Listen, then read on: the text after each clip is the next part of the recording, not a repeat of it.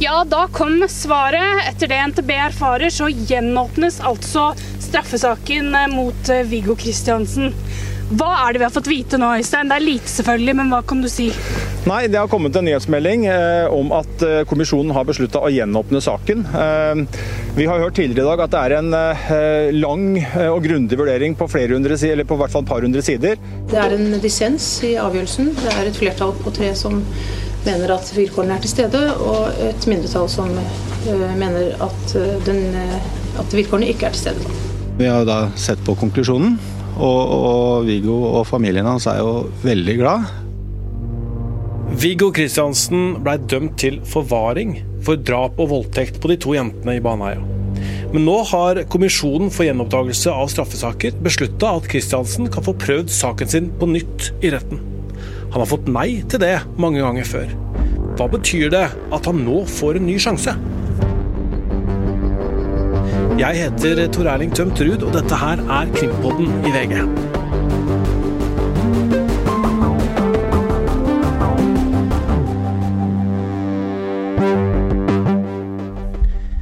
I en over 300 sider lang avgjørelse redegjør kommisjonen for hvorfor de mener at saken bør gjenopptas. Lederen for gjenopptakelseskommisjonen, Siv Hallgren, sa dette på en pressekonferanse. Det er en dissens i avgjørelsen. Det er et flertall på tre som mener at vilkårene er til stede, og et mindretall som uh, mener at, uh, den, uh, at, vilkårene ikke er til stede. Denne dissensen, er den del av grunnen til at det har tatt tre år? Ja, det, det, er diskusjoner som foregår i kommisjonen, og det tar sin tid i seg selv. Så har koronaen hatt mye å si. Vi har jobbet intenst med saken mest fra oktober 2020. Av de to to mot tre. Hvor, hvor var du oppi, oppi det? Der, eh, jeg er i mindretallet sammen med Tor Kjetil Larsen. Hva var det du mente førte til at det ikke burde vært grunnlag for en gjenopptakelse? Altså, det mindretallet mener, er at uh, de nye bevisene som uh, foreligger, ikke ville ha vært uh, frifinnende i, i lagmannsretten. og Det er bakgrunnen. Hvor krevende har eh, denne prosessen vært? Dette har vært en vanskelig sak for kommisjonen. Den har tatt mye tid, og vi har hatt mange møter. Hvilke elementer har vært viktigst i deres vurderingsgrunnlag? Detaljene i hva som ligger i vedtaket, det man, kan man lese. Det kommer jeg ikke til å gå inn på. Kan dette være snakk om et justismord? Det vil jeg heller ikke kommentere. Nå skal saken prøves på nytt for retten, så får vi se hvordan det ender. Viggo Kristiansen og hans familie er letta over avgjørelsen om å gjenåpne Baneheia-saken. Det skriver advokat Arve Sjødin i en uttalelse. Han skriver telefon fra Ila fengsel forteller Kristiansen at han ser fram til en ny rettssak hvor han vil føre bevis for at han ikke var med på barnedrapene. Etter mange års kamp for gjenopptakelse er det naturlig nok dette som står i fokus i dag, skriver Sjødin.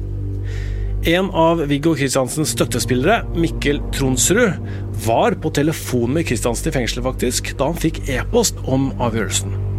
Og jeg har snakket med Viggo Kristiansens familie. Vi har jo ikke fått gått gjennom hele gjenåpningsbegjæringen og, og avgjørelsen, for det er, en, det er, et dokument på 360 sider. Eh, men vi har da sett på konklusjonen, og, og Viggo og familien hans er jo veldig glad og, og veldig fornøyd med at han nå endelig får en mulighet til å legge fram bevis i retten for at han ikke var med i Baneheia-drapene i eh, Kristiansand i år 2000. Foreldra til de to drepte jentene har også sendt ut en pressemelding når det nå blei klart at denne saken gjenåpnes. De skriver Vi tar avgjørelsen til etterretning og har tillit til at rettssystemet behandler alle straffesaker på en god og rettferdig måte. Utover det har vi ingen kommentarer til avgjørelsen i kommisjonen. Krimkommentator i VG, Øystein Millie. I dag, denne torsdagen hvor denne avgjørelsen har kommet, så har du stått direkte på VGTV hele dagen. Vi har sett deg fra, fra Baneheia.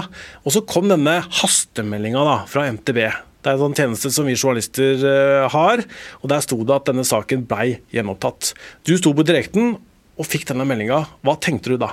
Nei, det er jo eh, sånn at man, eh, man Uansett hvilken avgjørelse eh, man venter på, så er man jo spent. Man er ute for å gjøre en jobb og rapportere. og analysere. Og nå har vi jo venta så lenge på denne Baneheia-avgjørelsen, Tor Erling. Vi har jo trodd at den skulle komme ja, mange ganger de siste årene, og så har det drøyd og drøyd. Og i dag visste vi jo at nå, nå får vi dette svaret som vi har venta på.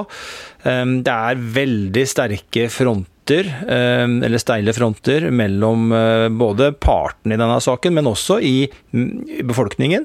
Jeg var innom kommentarfeltene rett etter at avgjørelsen falt, og så jo hvordan det er krasse meldinger og voldsomme synspunkter som, som utveksles. Ehm, jeg var veldig sånn 50-50 eh, på om det kom til å bli en gjenåpning eller ikke. Jeg tenkte at det avhenger veldig av hvordan, eh, hvordan eh, hodene som vurderer det, ser dette her. Og det viste seg jo i og for seg å være akkurat sånn det var, fordi, eller sånn det er. fordi at det er jo et, en delt kommisjon, splitta nesten på midten. Man har leder Siv Hallgren, som er i mindretall, eh, sammen med et annet kommisjonsmedlem. Og så er det tre andre medlemmer som da var i flertall. Så det, det sier jo alt om hvor komplisert eh, denne saken er, og det sier litt om eh, at det også da er tvil om det er grunnlag for å gjenoppta saken, eller om det ikke er det. Og så vippa det da i den retning at det var grunnlag for å, for å se på denne en gang til i rettssystemet. Ja, for det er jo den 50-50, som du sier. Det er Magefølelsen min også var sånn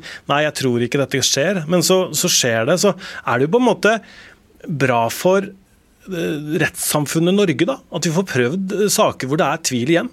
Ja, altså jeg skrev det til en Jeg eh, sendte en melding med her i, i formiddag før kjennelsen ble Eller avgjørelsen ble, klar, at øh, skal man klare å få denne saken eh, Jeg tror ikke det blir ro rundt den noen gang. Jeg tror ikke den eh, legger seg, og det, det vil nok ikke skje. Men jeg, jeg, jeg tror jo at på, på, mange måter så er det bra at man nå da, hvis statsadvokaten, avhengig av hva statsadvokaten eller riksadvokaten mener gjør, da, men hvis det blir en full prøving i retten, så, så kan man i hvert fall si at uh, uh, man har tatt opp igjen saken, og man har gjort en fullstendig ny vurdering, både av de bevisene som forelå, eller foreligger fra den gang da. Man har, kan legge inn nye vurderinger som er kommet til etter hvert, senest de siste årene. Og man kan også foreta nye etterforskningsskritt nå, som gjør at man Eh, hva skal vi si, kan optimalisere utgangspunktet for en rettferdig og ordentlig rettergang. Og så må jo det resultatet som retten kommer til, bli som det blir. Eh, om det blir en frifinnelse eller en domfellelse.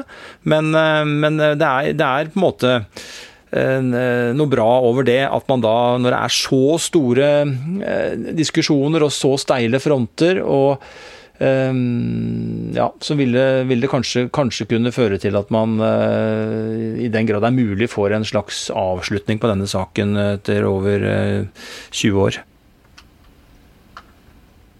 Den eh, avgjørelsen eh, som vi har fått, den ligger ute på nettsidene til Gjenopptakelseskommisjonen, som alle kan lese. Den er på over 300 sider, og vi har ikke fått lest alt ennå. Det kommer jo selvfølgelig vi til å gjøre, og, og sette oss i ro og mak og se. Og vi kommer til å snakke om dette her selvfølgelig også videre i Krimpodden framover.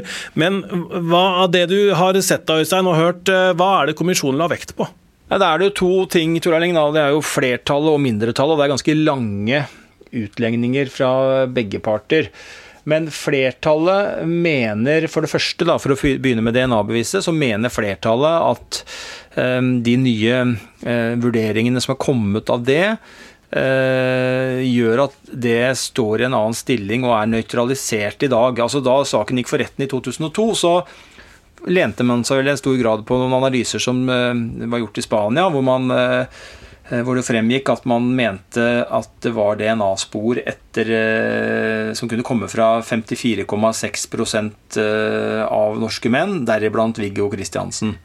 Ikke noe sterkt bevis overhodet, selvfølgelig, når halvparten av norske menn kan ha en, en sånn DNA-materiale, men, men, det ble sett på som et, et, moment. da. Og så mener jo da flertallet at dette momentet er nulla ut og står nøytralt i dag. Og da mener samtidig flertallet at mobilbeviset eh, må vurderes, må vurderes grundigere i dag enn man kanskje gjorde da, fordi at man ser for seg at man lente seg da på dette DNA-beviset som nå er nøytralisert, og dermed ikke vurderte mobilbeviset godt nok eller grundig nok eh, den gangen. Og da peker man på det, og så peker man endelig på Jan Helge Andersens forklaring. Det gjør både mindretallet og flertallet. De, de peker jo på det at den forklaringa er det utfordringer ved, og det er ting som tyder på kanskje at han ikke forklarer seg sannferdig på alle punkter.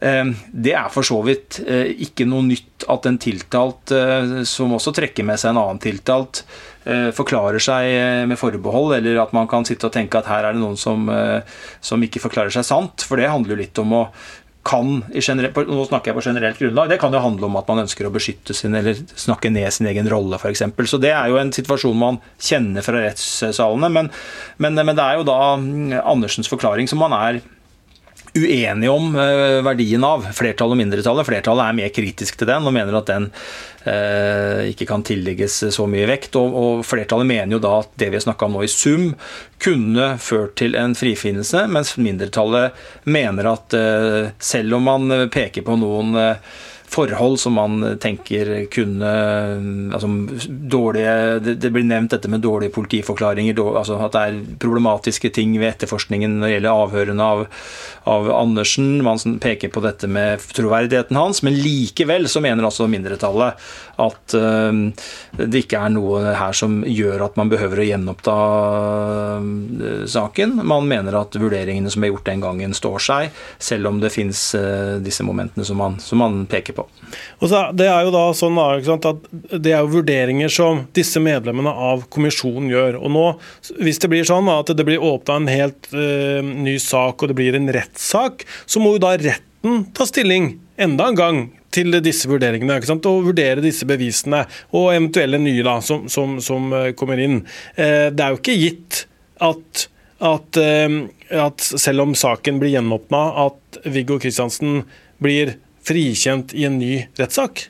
Nei da. Det, det, altså det, som har skjedd i dag, er at saken blir gjenåpna. Dvs. Si at øh, kommisjonen har, flertallet har gitt beskjed om at rettssystemet må se på denne saken en gang til. Og Det som skjer en sånn rent formelt nå, er jo ja, det er noen, noen sånne litt uh, hit og dit uh, som vi ikke behøver å gå inn på i, i systemet. Men det enkle versjonen, korte versjonen, og det som vi egentlig behøver å tenke over, er at denne saken nå blir sendt etter hvert over til påtalemyndigheten. Det er statsadvokaten i Agder og Riksadvokaten. Uh, så Riksadvokaten treffer beslutningen, men det er jo da en dialog mellom statsadvokaten i Agder og, og Riksadvokaten som nå går gjennom hele denne avgjørelsen. og så skal påtalemyndigheten, da, for å bruke et samlebegrep, eh, avgjøre eh, hva man gjør når man kommer til retten med den saken. For rett, saken kommer for retten, det er det ikke tvil om. Men det er to muligheter da. Det, eller i hvert fall to muligheter. Mm. Den ene muligheten er at påtalemyndigheten, etter å ha gått gjennom alle disse 300, over 300 sidene og det materialet man har, og hele dommene fra den gang, og på en måte etter en helhetsvurdering av materialet, kommer til at det ikke er grunnlag for å kjøre en ny rettssak. Uh, altså, en, altså straffe, eller, en fullskala rettssak. og Det er ikke grunnlag for å straffe Viggo Kristiansen. Det er ikke grunnlag for den tiltalen. altså Bærebjelken i tiltalen er borte. Det er, ikke, det er ikke lenger et juridisk grunnlag for å tiltale ham. Da vil de gå i retten og så vil de redegjøre for det og nedlegge en påstand om frifinnelse. Da blir det en ganske enkel seanse i retten som uh, tar veldig kort tid. Jeg skal ikke si akkurat hvor kort tid, men det blir ingen stor rettssak. Ingen rettssak sånn vi kjenner det. Da blir det ikke noen forklaring fra Jan Helge Andersen f.eks. Alternativet er eh, mer omfattende, for da vil man eh, gå for en fullskala rettssak eh, sånn som vi kjenner rettssaker, med forklaring fra Viggo Kristiansen, med vitneforklaring fra Jan Helge Andersen, med polititaktikere, altså eller krimteknikere, mener jeg, som har vært på åstedet. Man må få høre om DNA-eksperter som kommer i retten. Det kommer vitner. Det blir forsvarsadvokater, bistandsadvokater. Det blir en, en full prøving som sikkert vil vare i flere altså, Jeg husker ikke hvor lang tid bana jeg tok sist, og så er det jo nå da én tiltalt og ikke to i så fall, og da vil det nok bli en litt kortere sånn sett eh, rettssak, men det blir jo en flere uker lang rettssak, det er det ikke tvil om. Så det er liksom de to mulighetene. Enten en, en eh, ganske kort seanse hvor påtalemyndigheten sier at det ikke er grunnlag for å domfelle ham, og da er han, da er han frikjent. Da er Viggo Kristiansen en fri mann, da er han endelig frikjent for Baneheia-saken. Eller så må han da gjennom en rettssak eh, hvor påtalemyndigheten forsøker å straffe ham, og da er det jo også to utfall, eh, utfall der, en, som i en vanlig rettssak. Man kan bli frikjent i retten, eller man kan bli domfelt. Hva blir da Andersens rolle i en sånn rettssak? Andersen blir et vitne. Han har fått en straff, og han har sona en dom. Og eh, han får ingen Det blir, ingen, eh, det blir ikke noe eh, Uansett hvordan Viggo Kristiansens skjebne blir, så påvirker ikke det Andersen i form av at han får noen nye anklager mot seg pga. det som skjedde den gangen. Han har, han har, forklart seg, han har tilstått, og han har fått en straff utmålt av, av retten. og og den saken er sånn sett avgjort. Men han blir jo et vitne, han blir jo et nøkkelvitne, og det er klart, hans troverdighet kommer jo til å bli svært sentralt. Det sier seg sjøl. Uh, mye av uh, bevissituasjonen uh, mot Viggo Kristiansen sirkler jo rundt Jan Helge Andersens forklaring. Men han kan faktisk lyve når han er tiltalt, men ikke når han er et vitne. Da må han snakke riktig, eller sannferdig, da, som det heter.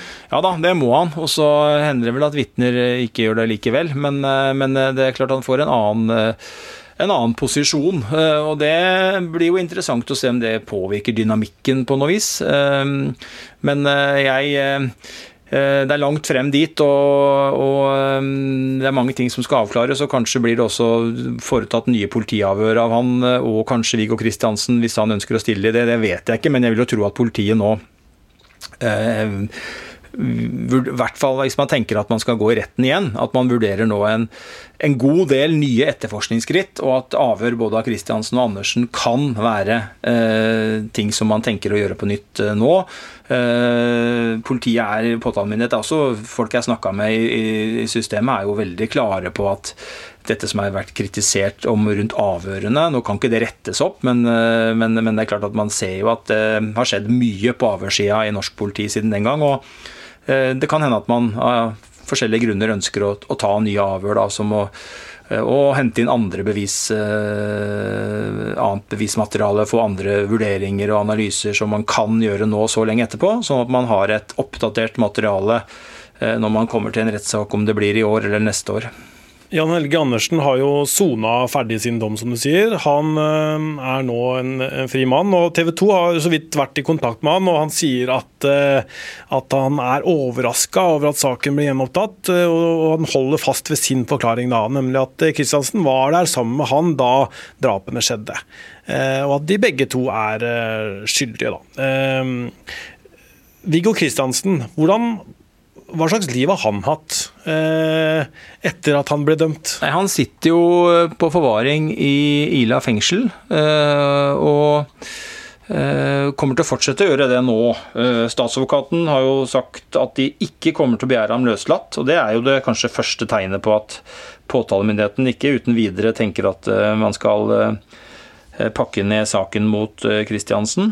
Hvis man nå hadde sittet klare og gjort en vurdering at hvis kommisjonen gjenåpner, så, så, er det helt åpenbart hva vi gjør. Da frafaller vi anklagen, og da, da, har det skjedd en feil. Så hadde man jo kanskje vært klare med en eh, løslatelse, eh, men, men det, er man, det, er man, jo ikke. Så, så, han sitter Det er kommet en egen pressemelding om det, at de vil ikke begjære ham løslatt. Så han fortsetter jo da nå å sitte på Ila i påvente av at han skal få en ny rettssak i den ene eller eh, den andre formen. Kristiansen er faktisk eh, ja, er litt over en måned yngre enn meg. Vi er født eh, i samme året. Han ble fengsla i 2000 og har sittet inne siden det. Det er jo omtrent halve livet hans. da. Hva betyr det egentlig da, hvis det viser seg at han er uriktig dømt? Nei, da er det jo et av de største og verste justismordene eh, i, Norge eh, vi står overfor. Da, hvis det viser seg at en mann har sittet i fengsel eh, i over 20 år for noe han ikke kan dømmes for eller har gjort, da eh, er jo det en, en grusom situasjon. Eh, og, og, så får vi jo se nå hvor, dette, hvor veien går videre her. Eh, det er i hvert fall fra utsida, for oss som ikke har vært inne i den saken særlig mye før, så er det jo ikke noe tvil om Tor Erling, at, uh, at det er jo tvil uh, og uenighet er vel to stikkord som er veldig dekkende. Altså det med at kommisjonen da for det første har vi vært i tvil om, om, hva kommisjonen kom til å lande på, men vi da i tillegg ser at kommisjonen faktisk lander eh, en splitta form, eh, delt på, så mye på midten som det er mulig, med lederen eh, som den ene i mindretall. Og tre kommisjonsmedlemmer utgjør flertallet. så så syns jeg det sier ganske så mye om, om, Det illustrerer egentlig det som har vært av diskusjonen rundt Baneheia-saken de siste tre årene, at her er det ulike synspunkter, ulike vurderinger og veldig sterke meninger om skyld og uskyld. Vi skal i hvert fall komme tilbake til Baneheia-saken i Krimpodden. Dette er ja, Vi kan jo oppsummere med at vi, vi, ble på en måte overraska over at avgjørelsen ble som den ble. Den, den ble, kom ut over den kom til under tvil da, i, i, kommisjonen også, men nå får altså Igor Kristiansen en ny sjanse. Det er, det er, dette er helt nytt. Uh, jeg kan ikke huske en tilsvarende sak i Norge. Nei, det fins ingen som er uh, i nærheten Altså, Det er mange saker som blir gjenopptatt, det er det. Men det er jo ikke av en sånn karakter som dette, og det er heller ikke på det grunnlaget. Veldig mange av de sakene som blir gjenopptatt i, kommisjonen, handler om Eh, tilregnelighet. At man har blitt dømt for noe som, eh, som har vært strafferettslig tilregnelig, og så kommer det for dagen etter hvert at man nok ikke var tilregnelig, og da, da, skal man jo ikke straffes. Det er veldig mye av det det går i. Kommisjonen har også åpnet en del av disse Nav-sakene som, eh, som, selvfølgelig skal åpnes etter det som skjedde der. Men det at man åpner en, en, en drapssak, eh, og det handler om bevissituasjonen, som det gjør her, og, og, og ikke bare en drapssak, men en av de mest omtalte og ehm, eh, mest grufulle drapssakene som har funnet sted i Norge. Det er klart det er en helt, ehm, helt ny og dramatisk situasjon eh, man står overfor når det skjer etter over 20 år. Ok, Takk skal du ha, Øystein. Du er i Kristiansand. Jeg spiller inn dette her i Oslo, og vil bare tipse dere som hører på om at dere må si fra til alle dere kjenner om Krimpodden. Dere kan sende, dere, dere kan sende oss spørsmål på krimpodden at vg.no, eller gå inn på Facebook-gruppa vår. Bare søk opp Krimpodden. Produsenter for denne podkasten er Ingeborg Huse Amundsen og Ville Våren. Krimkommentator er Øystein Willi. Jeg heter Tor Erling Tømt Ruud. Ronny Furuvik lager musikken vår, og Magna Antonsen er teknisk ansvarlig. Og du, Trykk på abonner i appen din, så får du episoden rett inn.